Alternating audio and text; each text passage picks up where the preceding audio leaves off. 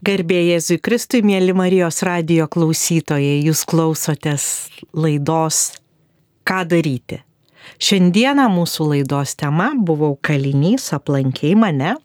Laidą vedu aš, Fausta Palaimaitė, o su manimi Marijos radio studijoje viešne Ingrida ir noriu paprašyti prisistatyti, truputį pasakyti plačiau apie save ir kaip tu esi susijusi su įkalinimo įstaigom. Sveiki, mėly radio klausytojai.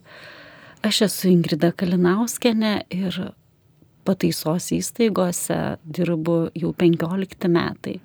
Mano kelias į įkalinimo įstaigą buvo toks gan įdomus. Dirbau mokykloje ir tiesiog tam miestelėje, kuriame aš dirbau, buvo ir vyrų įkalinimo įstaiga. Ir aš kažkaip visą laiką taip stebėdavau žmonės, kurie ten dirba ir, ir norėdavau visada ten patekti, nes tai buvo pakankamai uždara erdvė ir nelabai ten įsileisdavo tuo laiku kažką iš ten nedirbančių asmenų ir tiesiog aš dirbau psichologę ir galvojau, kad kai tik tai atsiras psichologo vieta kalėjime, aš pabandysiu ten įsidarbinti. Tai va, taip man bedirbant, aš sužinojau, kad įkalinimo įstaiga ieško psichologo, tai aš tiesiog pasibeldžiau į duris ir mane priemė. Tai toks mano patekimas buvo į pataisos įstaigą. Ir koks jausmas, turbūt tuo metu nelabai daug moterų nedirbo tarp, tarp tų vyrų. Taip, tuo metu moterų buvo labai mažai ir mano skyriui, kai aš atėjau, dirbo dvi moterys ir dvylika vyrų. Tai jausmas buvo įdomus. Ypatingai buvo įdomus jausmas peržengiant įkalinimo įstaigos ribą, kai reikėjo praeiti patikrinimus, reikėjo pasidėti telefonus, reikėjo palikti pinigus. Tai taip iš pradžių iš tikrųjų tai baugino. Tai jo, praėjimas į įkalinimo įstaiga buvo kelintis iššūkių. Kelinti čia metai? Čia buvo 2007 metai. 2007. Taip, ir kaip reagavo nuteistieji, kad štai vat atsirado kažkokia moteris, jūs tada buvot pareigūnė, taip jau atėjot psichologija kaip pareigūnė va, atsirado pareigūnė ir štai, štai va, ji yra psichologė, kuri čia kaip ir padėti liktai turėtų, bet šiaip įprasta, kad pareigūnai tai gaudo, atminėja, tvarko. Koks va tas buvo pirmi susitikimai, pirmi mėnesiai, kokios reakcijos nuteistųjų? Iš tikrųjų, Faustus labai teisingai pastebėjote tai, kad, na, pareigūno uniforma nuteistai visuomet, na, šiek tiek varžo, jie pareigūnų nemėgsta tai aš nežinau ar tai buvo sąmoningai daroma iš tikrųjų departamento lygiu aukštesnių vadovų lygiu bet psichologam uniformų nereikėjo nešioti taip kad mes eidom į darbą be uniformų ir vat šitą komponentą jau nai, panaikindavo tiesiog jie nelabai suprato, kad psichologai yra pareigūnai. Tai mus žiūrėdavo ne kaip į pareigūnus. Ai, tai labai neblogai tada, jeigu jau nereikėjo įveikti šitokio jau to va tokio, na, iš ankstinio, ar ne, kad pareigūnas yra toks. O ar lengvai, ar sunkiai, ar kaip, koks tas procesas buvo, kaip prieiti prie nuteisto žmogaus, kad iš tikrųjų ten įvyktų kažkas tokio panašaus į psichologinę konsultaciją. Na, kad aš esu girdėjus iš vienos psichologės, kad jinai dirbo, dirbo įkalinimo įstaigo ir sako, ai, aš pastebėjau, kad jie ateina prastumt laiką ir, žodžiu, paskui jau jinai nusprendė išeiti iš tos įkalinimo įstaigos ir aš iš pačios girdžiu, na, visai kitokį įspūdį ir visai kitokį supratimą. Tai kaip sekės? Tai tikriausiai irgi buvo visko, bet iš esmės, kai aš atėjau į kalinimo įstaigą, aš ten nepamačiau nuteistųjų. Va, tas mane nustebino, aš ten pamačiau žmonės, jaunus, senus, buvo ir senų vyrų, ir visiškai jaunų vaikų, kur jie tiesiog niekaip netrodė panašus į kalinius, nes kai aš buvau laisvė, man atrodė, kad nuteistieji turėtų būti, na, kažkokie tai išskirtiniai žmonės. Jie kažkaip tai, vad, pamatai ir atrodo, jie man kaktos uždėta štampas nuteistasis, tai mano nuostabai aš ėjus į kalinimo įstaigą to nepamačiau. Ir kokie tie vat, pozityvūs prisiminimai? Jūs turėt būti apie kažkur 30 metų, ar ne maždaug? Na taip, 32 metų aš pradėjau dirbti kalinimo įstaigoje. Koks tas pirmas jausmas, kada buvo, kad aš savo vietoje ir, ir taip? vos tik peržengus e, tą, vat, kaip aš vadinu, tvorą, perėjus per tvorą, aš supratau, kad čia mano vieta, nes man patiko bendrauti su tais vyrais, jie pasakodavo savo istorijas. Už kiekvieno nusikaltimo slypi istorija. Ir kartais iš tikrųjų aš pagalvoju, jeigu aš būčiau toj vietoj, kai buvo mano klientai, Tai yra kokios jų vaikystės, kokios patirtis, kokios traumos. Galbūt aš būčiau padarius daug sunkesnius nusikaltimus. Bet, na, tai mes taip turbūt negalim pateisinti, ar ne, kad va, jeigu va, kažkam tai blogai, tai vienintelė išeitis kažkaip daryti nusikaltimus.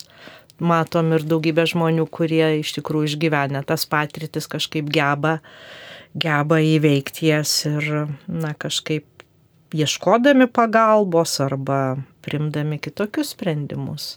Tikrai taip, aš neteisinu ir niekada to nedariau. Aš bandau tik tai suprasti tuos žmonės. E, ir būtent psichologo darbas ir yra nei teisti, nei pateisinti, yra suprasti ir padėti. Suprasti, padėti, prisikelti, padėti pakeisti savo gyvenimą. O šiandien ką dirbat? o šiandien dirbu resocializacijos skyriaus viršininkė. Tai jau truputį pasikeitė, ar ne, ir, ir tos užduotis, ir dabar jau aš jūs matau su uniforma ir matau jau kito, kitokiuose visai turbūt užsiemimuose, tiksluose to, to darbo. Na tikrai taip, iš esmės pasikeitė, nes tuo metu, kai aš buvau psichologė, aš konsultuodavau žmonės ir buvau atsakinga už jų už jų psichologinę savijautą, už jų norą keistis, o dabar aš labiau atsakinga už savo skyriaus darbą, už komandos darbą ir labiau save matau tame vaidmenyje, kad padėti komandai dirbti ir keisti tų žmonių požiūrį. Na, o mano mintis buvo, kodėl norėjosi pasikalbėti su Ingrida, tiesiog nes ji turi daug patirties ir žinių apie tai, kaip vyksta tas pokytis nuteistojo, kokios yra priemonės naudojamos įstaigoje, kaip, jos tiksliau naudojamos.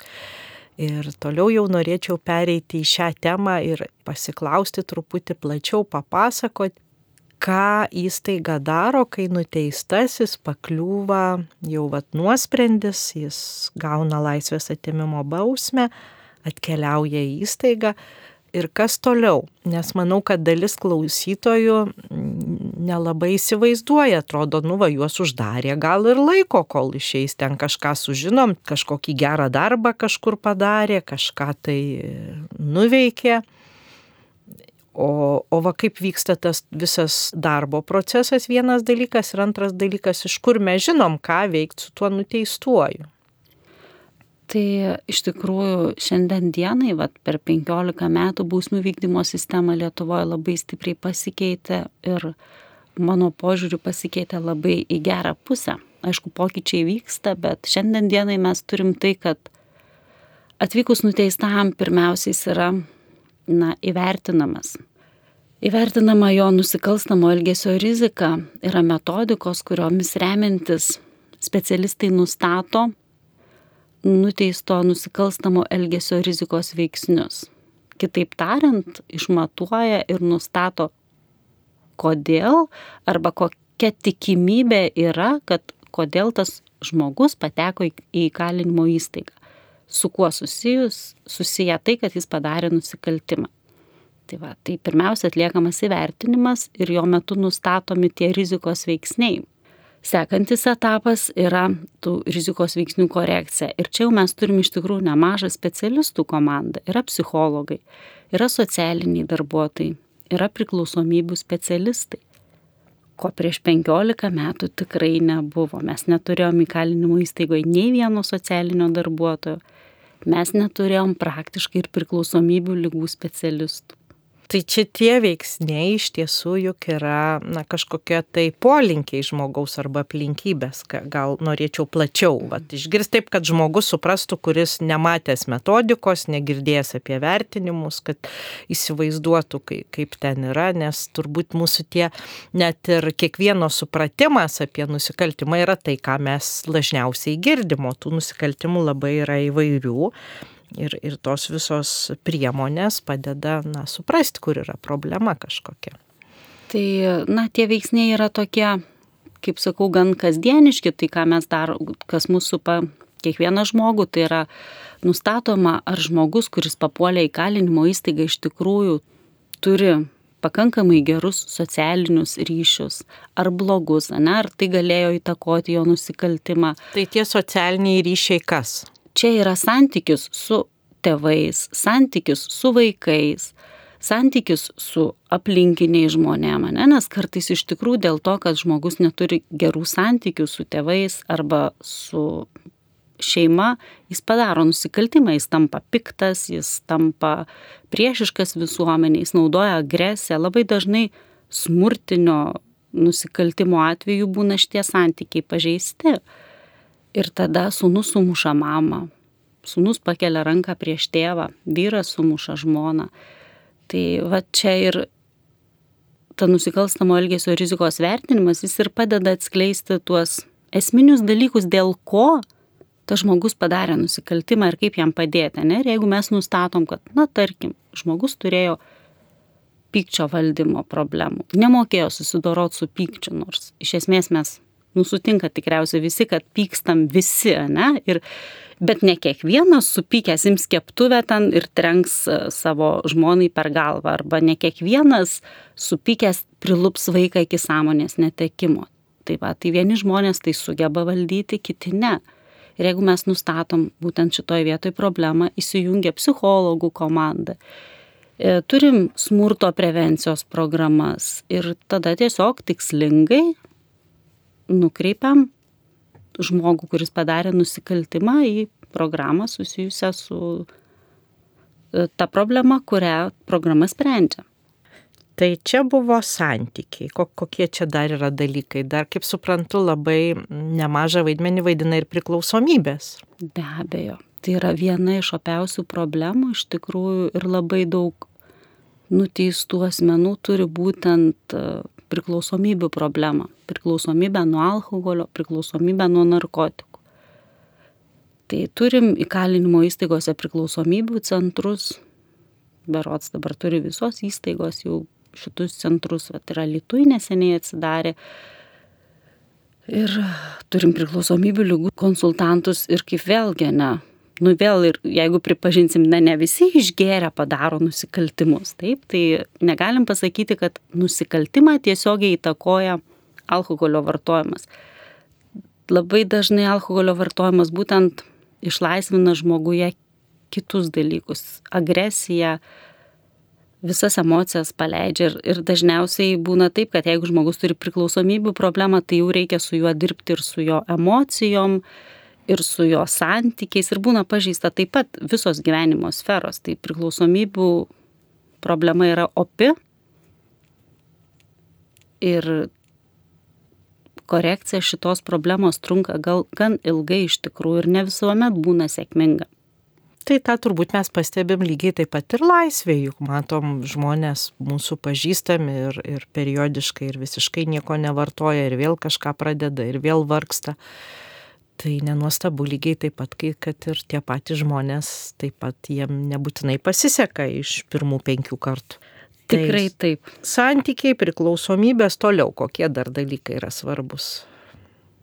Turbūt e, ne visiems išeina ir toj darbo rinkoje kažkaip įsitvirtinti. Taip, darbiniai įgūdžiai, todėl įkalinimo įstaigoje yra iš tikrųjų profesinės mokyklos, kur gali įgyti profesiją, tačiau vėlgi tikrai turim tokių pavyzdžių, aš manau, ir laisvė taip pat susiduria, kad kaip ir žmogus turi profesiją, bet jis nedirba, ne, jisai galėtų dirbti, tai vad nėra tos motivacijos darbui.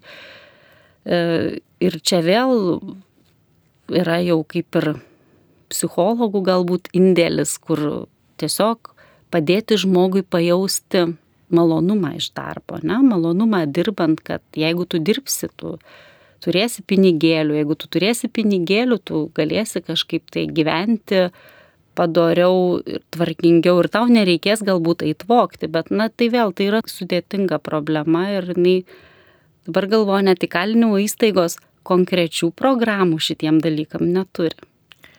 Nes ką aš pastebiu, vat, dirbdama su nepilnamečiais, kad jiem labai yra sunku suvokti, kad darbas gali teikti pasitenkinimą.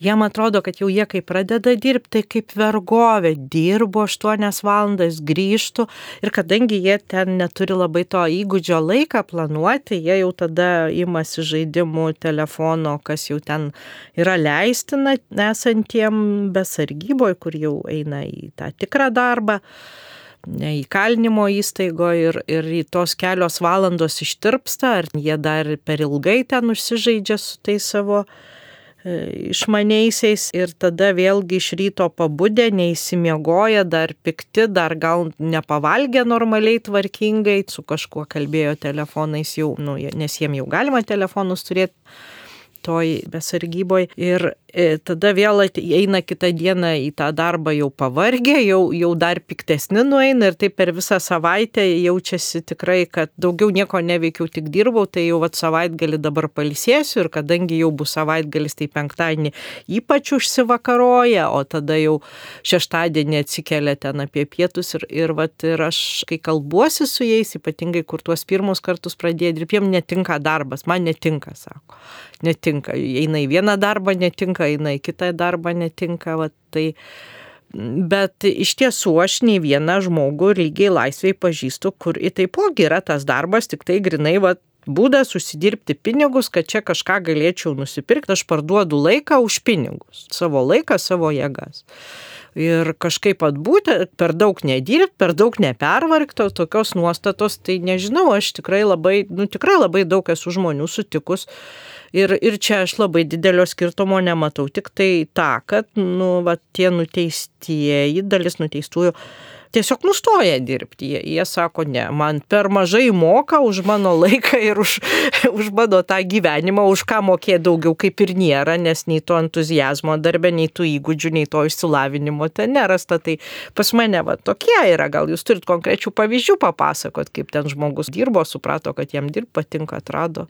Žinokit, visą laiką klausiau jūsų ir taip natūraliai šipsojausi ir Deja, bet turiu tik tokių pačių pavyzdžių kaip ir jūs. Ir, ir iškilo iš karto iš atminties vienas toks pavyzdys, kaip, na, aš dar buvau psichologė, ne, aš konsultuoju žmogų, kuris iš tikrųjų darbinių įgūdžių turi mažai ir kuris teistas buvo išimtinai už vagystės, profesionalus vagis. Nu, konsultacijų metu jis man pasako, kaip pavogė, ką pavogė, kaip tuos nusikaltimus planuoja, kaip apsižiūri, kada žmonių ten nėra. Ir jis sako, žinokit, psichologė, bet aš vogiu tik iš turtingų žmonių, nu, ten jis taip iš karto jau minimalizuoja, kad, nu, nelabai aš jau čia toks ir blogas, nes nenuskriaudžiau ne vieno neturtingo vos, netoks tadas blinda. Ir, o aš jam bandau vis tiek pasakyti, nu, bet žinai, nu, bet jeigu tu eitum į darbą, tau vat nereikėtų to streso, nes iš esmės žmogus kalba apie tai, kad stresą jis patiria. Ir kai laukia, kai policijos mašina prakaukės, jam visada atrodo, kad pas jį atvažiuoja. Jeigu tau, tu eitum į darbą, va tau, aš kalbu, jisai man sako, taip nuoširdžiai, sako, psichologė, kiek jūs uždirbat? Aš jam pasakau savo atlyginimą ir, na, patikėkit, reakcija buvo tokia, jisai garsiai pradeda juoktis ir sako, aš už tiek iš lovos nekelčiau. Tai vad, kalbam iš tikrųjų apie tai, kad e, tam tikri žmonės, jie pripratę ir tai jų yra gyvenimo būdas lengvai gauti pinigus. Ir tuo labiau jie sugeba save pateisinti, kad aš vaugiu iš turtingų žmonių, kaip ir nelabai juos nuskriaudžiu. Tai visokių tų atvejų, žinokit, būna ir su tuo darbu yra gan sudėtinga. Žmonės, kurie sėdi pataisos namuose po 20 metų, na, darbiniai įgūdžiai jų labai silpni. Tikrai labai silpni. Mes ką tik neseniai su Ingrida dalyvavom bendroji konferencijoje ir ten kaip tik vienas daug kartų teistas žmogus pasakojo savo istoriją. Ir iš tikrųjų jo istorija yra sėkmės istorija, nes nežinau, kiek jis ten šešis kartus ar kiek sėdėjęs, paskui išėjęs rado darbą, paskui dar ir į universitetą įstojo ir dar tą universitetą pabaigė ir dabar jau aštuonis metus sėkmingai dirba socialinių darbuotojų globos, vaikų globos įstaigose ir yra savo darbu patenkintas ir rezultatais patenkintas ir matosi, na, iš žmogaus toks linksmumas, džiaugsmas, kad, na, kad jo visas gyvenimas iš tikrųjų yra stebuklas ir kad ta gyvenimo kokybė, į kokią jis va, galėjo pakilti, kad, na, jam tikrai atrodo nepaprasta ir jis visą tą laiką, kol kalbėjo, vis nuolat rodė ranką į viršų, kad jei ne Dievas, nes čia yra Dievo stebuklas, tai iš tikrųjų gal daugeliu reikia to Dievo stebuklo, kad ir nesėdim, bet vat, kai sunku yra išeiti iš tos lovos, išlipti į tą darbą, išeiti ir patirti džiaugsmą, kad aš turiu darbą, kad aš turiu kur išeiti, kad yra žmonės, kuriem aš kažką tai, va vis tiek, nes nėra tokio darbo, kad jis būtų ne apie žmonės. Na, aš bet ką darydamas, tai įtakai prisidedu prie, prie mūsų visuomenės, prie tos gerovės kūrimo ir, ir va ta mintis, kad mes visi susiję ir, ir aš ne, nesu šiaip savo kažkas tai, o kūrėjas to mūsų bendro gero buvio, tai turbūt kartais reikia ir tos Dievo pagalbos. Tai turbūt panašiai kaip darbas yra ir, na, išsilavinimas, nes dalis, nežinau, man irgi yra, turbūt, vat, aš jau dabar esu jau kiek ketvirti metai dirbu ir, ir kartais su nuteistaisiais, kadangi mano tas rytis yra tiesiogiai silovada, mes sustinkam komplyčioj Ir aš išdalinu šventus raštus ir aš jau įpratau prieš paprašant paskaityti eilutes paklausti, ar jūs mokat skaityti. Kas galbūt laisvė yra keista ir kaip nekeista. Jaunimas e, dažniau pasako, kad jie neskaitys garsiai, ne, jie skaito knygas ten savarankiškai, bet garsiai skaityti jie nesijaučia, kad galėtų, mokėtų, neužsikirstų, perskaitytų tą žodį va, tiek sklandžiai kokios tendencijos, koks pastebėjimas. Aišku, aš taip pat susitikau ir kelis aukštuosius baigusių nuteistųjų, kurie ten gali ir kitus viską išmokyti ir, ir kurie išmano, kai būna konstitucijos egzaminai, tai dar aplenkia visus kitus.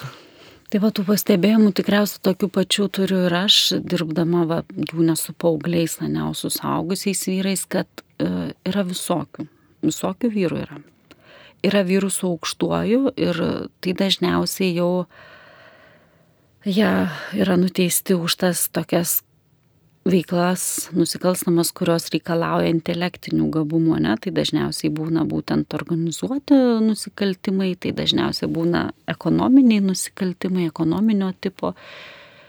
Ir yra vyrų, kurie baigia po penkias, šešias klases ir tada mes dažniau susidurėm jau su tais būtiniais nusikaltimais. Tai yra priklausomybės, tai yra smurto šeimoje, tai visokių yra. Yra, kurie ir nemoka skaityti. Man teko susidurti irgi su tokiais jau suaugusiais vyrais, kurie praktiškai, na, na jie skaito, negali sakyti, kad jie nemoka skaityti, bet jie praktiškai beraščiai. Jeigu dar perskaityti sugeba, tai parašyti sunkiai Ir tada iš tikrųjų tokiem žmonėm yra be galo sunku įsilieti į visuomenę. Ir čia aš Faustai su jumis sutiksiu, kad jeigu tie žmonės atranda atlikdami bausmę Dievą, tai yra vienintelė pagalba jiems ir stiprybė. Ir vat, kai jūs kalbėjote apie tą asmenį, kuris kalbėjo ne konferencijoje, tai tikrai šiandien dienai to žmogaus akis žyba jis yra įtikėjęs į Dievą ir aš mačiau jo virsmą, nes kada jis atvažiavo į kalinimo įstaigą, aš dirbau psichologiją, aš buvau tik pradėjusi dirbti. O jis atvažiavo į pataisos įstaigą realiai ir nuo tada prasidėjo mūsų tokia, ne nesakyčiau, kad draugystė, bet bendras kelias tam tikroje srityje. Ne? Jis padėjo man kaip jaunam specialistui, kadangi buvo, kaip jisai sako, jau dantis prakandęs ant kalėjimų, žino, kaip viskas vyksta, jis turėjo savo požiūrį, kaip norėtų, kad būtų. Kadangi tas žmogus buvo priklausomas, aš daug iš jo išmokau. Aš išmokau iš jo darbo su priklausomais asmenim. Aš išmokau iš jo priimti priklausomus žmonės, nes kol aš nedirbau pataisos įstaigose, man visi priklausomi žmonės atrodė, na, neverti pagalbos iš tikrųjų, nes aš augau aplinkoje, kurioje nebuvo priklausomų žmonių, aš nemačiau girtuokliavimų namuose savo šeimoje, aš nemačiau šitų dalykų ir man tai buvo labai baisu. Čia jau man kaip žmogui buvo pats baisiausias dalykas. Ir Artūras mane išmokė, kad ir su tai žmonėm galima jais pasitikėti, jais galima tikėti, jais, nega, jais reikia, net ta žodis, kad jais, jais reikia tikėti, jiems reikia padėti ir jie iš tikrųjų gali pasikeisti. Jie turi atrasti dar ir Dievą. Ne? Ir jeigu imsim priklausomybę, jie turi tikėti tą aukštesnę jėgą, nes tai yra tokia lyga, kuri be aukštesnės jėgos nepasiduoda gydimui. Čia taip aš galvoju. Mėly Marijos radio klausytojai, primenu, kad jūs klausotės laidos Ką daryti. Laidos tema buvau kalinys aplankiai mane. Laidą vedu aš Fausta Palaimaitė, o su manimi Marijampolės pataisos namų resocializacijos skyriaus viršininkė Ingrida Kalinauskenė nekalbasi apie va tą pokytį, kaip įvyksta nuteistojo gyvenime. Ir dabar mes apkalbėjom jau tas rytis, kuriuose būna va tas pažeidžiamumas ir paminėjom keletą programų, kurios na, yra pasiekiamos nuteistiesiam įkalinimo įstaigoje. Tai aš pati, kadangi irgi esu susipažinus truputį su tom programom, Ir, na, jų turbūt ilgiausia yra skirta paaugliam programa, elgesio ir, ir mąstymo korekcijos, vadinasi, ekvipas, 50 susitikimų, man atrodo. Tai, o visos kitos yra, na, maksimum turbūt kiek? 15-20. Taip. Tokio ilgumo, ar ne? Ir aš pati vat svarstydama tas programas, na galim truputį apie jas šiek tiek papasakot. Pavyzdžiui, yra tik aš ir tu, ar ne, programa, Ir jeigu galite, truputį kiek prisimenat. Na, jinai vadinasi tik tu ir aš. Ir, ir iš esmės tai yra kognityvinė programa paremta būtent mąstymo, elgesio schemų keitimu. Iš tikrųjų tai yra tikrai veikianti programa ir labai sakyčiau netgi kokybiška.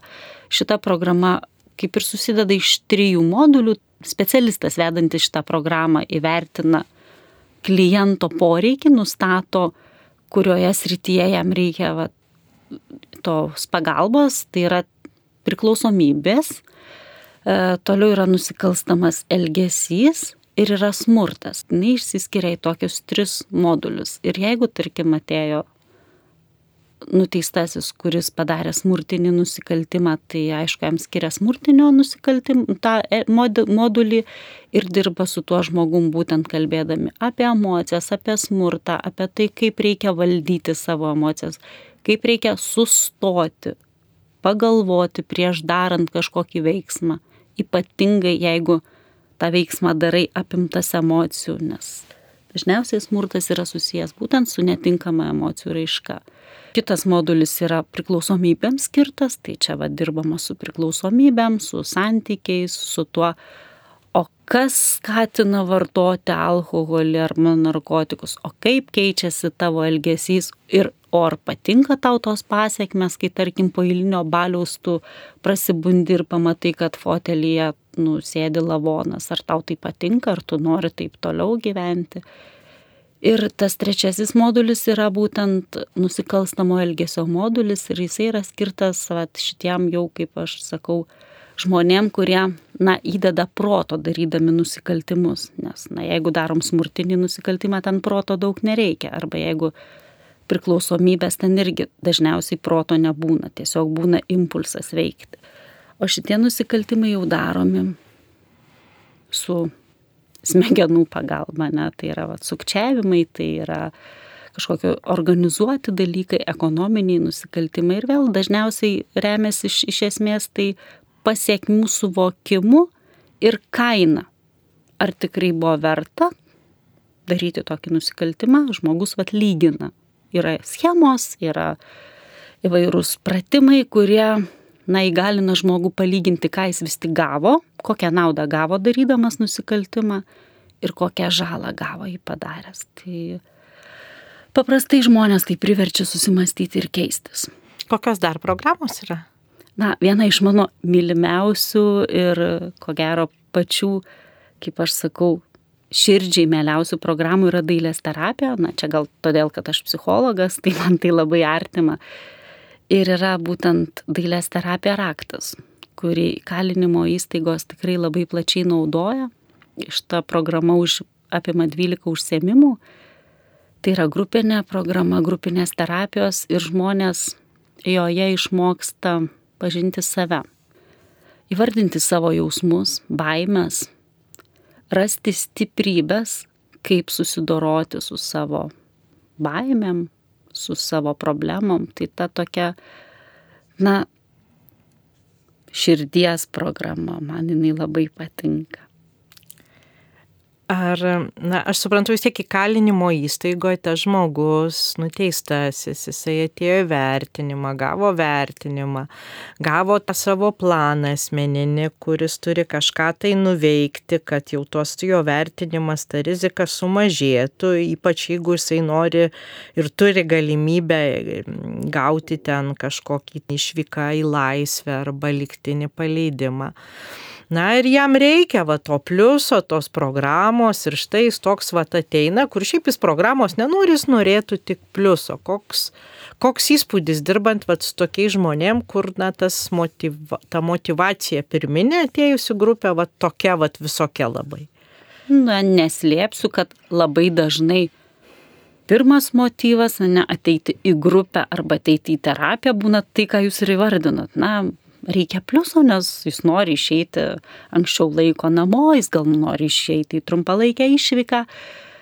E, ką galiu pasakyti, nu būna ir daug tokių. Bet kažkaip vedant raktą, nes, na, tarkim, mano patirtis didžiausia yra būtent šitos programos vedime. Tai paprastai ties trečiu užsiemimu atsiranda kitų interesų. O tie kiti yra pažinti labiau save, pažinti aplinkinį, jie pradeda kalbėti apie jausmus.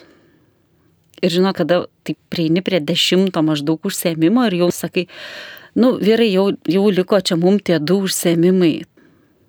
Kiek aš grupių turėjau, visose grupėse išgirstu, jau mes dar norim, dar ką nors padarykit, nes ir žinokit, jie verkia pieždami, analizuodami savo darbus nors iš pradžių pirmam užsiemime būna daug pasipriešinimo ir būna taip, aš nemoku piešti. Aš nieko nepiešiu. Tada padedi jam tą lapą, paduodi teptuką, tą statybinį teptuką, nes dailės terapijoje nenaudojami paprasti teptukai ir jie pradeda piešti. Ir jeigu tai būtų dabar mūsų video kažkas, aš galėčiau parodyti įspūdingų piešinių. Įspūdingų. Tai aš tikiu nesunkiai, bet vat, man tikrai, aš pati dar nevedžiau tokių grupių, kur pliusas, nes mano sielovados grupės pliuso neduoda. Na, čia pasakysiu paslapti, iš tikrųjų tą pliusą duoda, nes paskui, kai pabaigė ir žmogus dalyvavęs labai pozityviai, tai vis dėlto aš surašau žinutę vertintojui arba auklėtojui, kad pažymėtų jo tą dalyvavimą ir veiklą, bet kai ateina, klausia, ar aš gausiu, aš sakau ne tai yra nu, visai kitokia motivacija, aš matau, kad tada jau labai yra paprasta, nes jis ateina dėl savęs, vėlgi jam nereikia ten kažkaip e, stengtis kažką vaizduoti, kad tas įvertinimas būtų pozityvus, tai, tai va tikrai, tikrai būtų net smalsu pabandyti, o va kaip su tokia, su tokia programa atsitinka. Dar mano e, pačios yra tokia neįprasta patirtis, kur aš neįsivaizdavau prieš ateinant dirbti į kalinimo įstaigas. Na, man atrodė, kad čia kaip tie žmonės vis tiek jie, kai yra tokioj uždaroj aplinkoj, kur vis dėlto yra smurtinė aplinka, kur tu tikrai nebūsi kažkoks kitoks, turi prisitaikyti prie tų vidinių taisyklių, prie išorinių taisyklių neturi ten savo privačios erdvės ir, ir va visi šitie suvaržymai, man pačiai, man atrodo, kad aš jeigu va pakliūčiau į kalinimo įstaigą, kažkai aš neišprotėčiau. Ir, ir vad, kai ateina tie žmonės, aš na, kažkaip net nesitikėjau, bet taip yra iš tikrųjų, kad jie atsiveria, na, jeigu aš esu nuoširdė, tai iš jų nuoširdumą sulaukiu iš karto, iš pirmo karto. Ko laisvėje niekada nebūna taip, kad atėjęs į konsultaciją žmogus iš pirmo karto kalbėtų apie tai, kas jam iš tikrųjų labiausiai rūpi. Paprastai laisviai aš praleidžiu, na, kokias keturias, penkias konsultacijas, jėlovados turiu mintį, kur žmogus kalba kažką tai abstrakčiai, o aš čia tikiu, aš čia netikiu, aš čia noriu tikėti. Aš aišku dabar jau esu labai kirvis ir, ir, ir taip sakant, arba einam prie esmės arba ne. O tuo tarpu atėjęs, vad, nuteistasis, jisai pakalba, pažiūri į akis, paklauso, kaip aš reaguoju į kažką ir, ir iškart prasideda tokie pasidalinimai, na, kur, kur tikrai jie yra kupini tokio jautrumo. Tai va, aš tokią patirtį turiu iš tų savo pokalbių ir susitikimų. Kokia jūsų patirtis? Tai va, vėlgi ir klausausi jūsų ir atrodo, kad girdžiu tą patį, ką aš galvoju. Ir iš esmės, jeigu atsimenat laidos pradžioje, aš ir sakiau, aš atėjau į kalėjimą, bet aš nepamačiau kalinių. Tai būtent apie tai aš ir kalbu, kad iš tikrųjų ten žmonės yra nuoširdesni. Kodėl čia kitas klausimas. Čia galima pamastyti ir, ir, ir pagalvoti, kodėl tai vyksta. Gal todėl, kad jiem trūksta bendravimo. Gal todėl, kad jie iš tikrųjų pripratę bendrauti šiek tiek kitaip tarpusavėje, ne pas juos yra tam tikros taisyklės ir, nu, būnant vyrų kalėjime, tu negali daug su kitu kaliniu kalbėti apie jausmus, nes manau, kad tai yra nepriimtina, tai yra silpnumo ženklas. Tai reikia tik pamastyti, kokią įtampą jie išgyvena, kaip jiems sudėtinga, nes jie tiesiog neturi su kuo pasišnekėti tarpusavį kiti žmonės, su kuriais jie galėtų pasikalbėti, yra pareigūnai ir vėl čia žaidžia nuostatos, kad, na, kaip tu dabar kalbėsi su pareigūnu, negalima kalbėti. Net jeigu, net jeigu imam pareigūnas yra tobulas ir jis norėtų sukalbėti ir kalbėtų, nuteistasis nelabai gali kalbėti su pareigūnu. Tiesiog jis bus nesuprastas kitų žmonių, kitų jo aplinkoje gyvenančių asmenų. Todėl, va čia tas fenomenas greičiausiai dėl to, kad jie pamatė ir dar jeigu pamatė nuoširdų žmogų, o jie iš tikrųjų psichologai neblogi, jie moka skaityti žmogaus veidą, žmogaus jausmus, perskaito labai greitai. Jie iš karto ir kalba, jie bijo, kad nepabėgtų. Aš galbūt taip galvoju, kad jie bijo, kad tas žmogus, kuris nori su jais pakalbėti, nedingtų. Ir jie kalba. Ir jie kalba tikrai, kaip jūs sakot, Fausta, greitai, iš karto tas net gazdina iš tikrųjų, nes galvoju, tai kas tada bus ta jau ketvirta, o jie jau tikisi, kad to gali ketvirto ir nebūti, reikia greitai per pirmą ir antrą viską pasakyti, ja. ką nori pasakyti. Aš taip galvoju, iš tikrųjų čia reikėtų, jeigu atsakyti tą klausimą, rimtesnių studijų ir tai, ką aš dabar pasakiau, tai yra tik tai mano nuomonė ir mano jausmas, tai nėra paremta jokiais tyrimais, ne tyrimai nedaryti, bent jau aš nežinau, kad jie yra daryti. Čia man tik 15 metų mano patirtis leidžia taip vat galvoti, kad jie pamatę ir dar pajutę, kad jų klausosi, jie kalba daug ir atsiveria daug. Na ir aišku, turbūt čia yra vėlgi talentas vesti tą pokalbį, nes yra žmonių, kur išgirdę įsigasta ir savanoriai, pavyzdžiui, ar, ar ten kažkas tai uh, ir, ir tos jelovado žmonės ir, ir daugiau nebeina, nes sako, aš tai nenoriu klausyti, kaip jie ten plėšė, prievartavo, ar nu, aš ne, nežinau, ką sakyti, neįsivaizduoju. O, o paklausti kažkokių tai tikslinamųjų dalykų, kaip tu norit, kad toliau tavo gyvenimas būtų, kas tau šiandien yra vertingiausia, ne, tiesiog neteina žmonėms į galvą. Tai, tai vėlgi turbūt ir to klausančio kažkoks turi būti ar profesionalumas, ar talentas, ar viskas kartu. Čia taip pat yra va, tas toks tikrai rimtas klausimas ir rimta dilema, ar visi žmonės gali eiti dirbti į pataisos įstaigą, ar eiti gali visi savanoriauti ir ar neturėtų būti specialaus paruošimo einant pas tuos žmonės, nes tikrai aš suprantu, kad kai ką tai gali gazdinti.